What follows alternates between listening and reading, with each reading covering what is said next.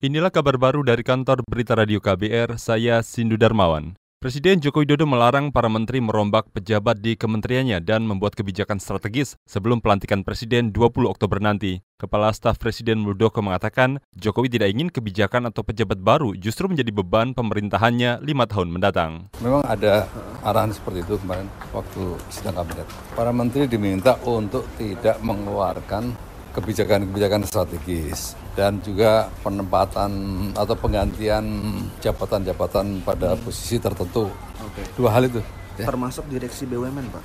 Iya, iya, pastinya itu. Salah satunya juga, Pak. Sampai Oktober menjelang lah. Ya, ini kan saat kritis ya. Kepala Staf Presiden Muldoko menegaskan perintah Presiden Joko itu untuk meminimalkan masalah yang bisa terjadi pada pemerintahan periode kedua.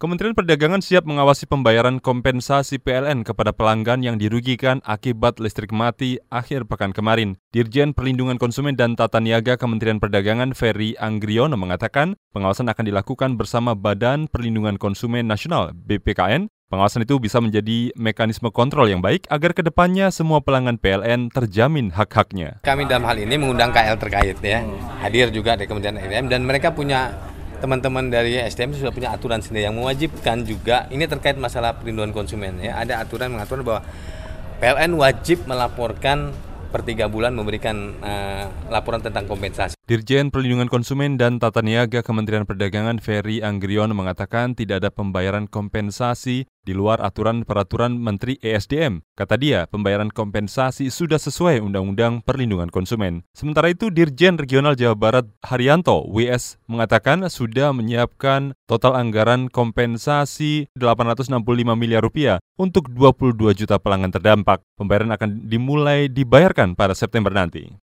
Kita beralih ke soal lain Majelis Hukum dan HAM PP Muhammadiyah mendorong Presiden Joko Widodo membentuk tim independen untuk menyelesaikan kasus penyidik KPK Novel Baswedan. Alasannya kata Wakil Ketua MHH PP Muhammadiyah, Manajer Nasution, tim gabungan yang sebelumnya pernah dibentuk Kapolri Tito Karnavian belum mampu mengungkap aktor pelaku. Kita apresiasi lah ada tim ini macam-macam, tapi kita kemudian justru mendorong Presiden untuk mengambil inisiatif dengan membentuk semacam TGV independen itu. Majelis Hukum dan HAM PP Muhammadiyah Manajer Nasution juga menyarankan komposisi anggota tim independen kasus Novel Baswedan didominasi masyarakat sipil. Para anggotanya pun harus merupakan rekomendasi dari masyarakat sendiri bukan pilihan istana. Badan Meteorologi, Klimatologi, dan Geofisika BMKG Semarang, Jawa Tengah mengimbau seluruh nelayan di sekitar pantai utara Jawa mewaspadai gelombang tinggi. Kepala Seksi Observasi Stasiun Meteorologi Maritim Tanjung Mas Semarang, Slamet Wiyono, memperkirakan tiga hari mendatang gelombang laut akan mencapai hingga 2,5 meter akibat badai tropis Lekima. Nah, terkait dengan adanya tinggi gelombang tersebut, maka wajib diperhatikan risiko terhadap keselamatan pelayaran, terutama untuk perahu nelayan dan kapal tongkang. Kepala Seksi Observasi Stasiun Meteorologi Maritim Tanjung Mas Semarang Slamet Wiono menambahkan, badai tropis Lekima di Samudra Pasifik mengakibatkan kecepatan angin hingga lebih dari 37 km per jam di sejumlah tempat di Laut Jawa dan memicu gelombang tinggi. Saudara demikian kabar baru dari kantor Berita Radio KBR. Saya Sindu Darmawan. Salam.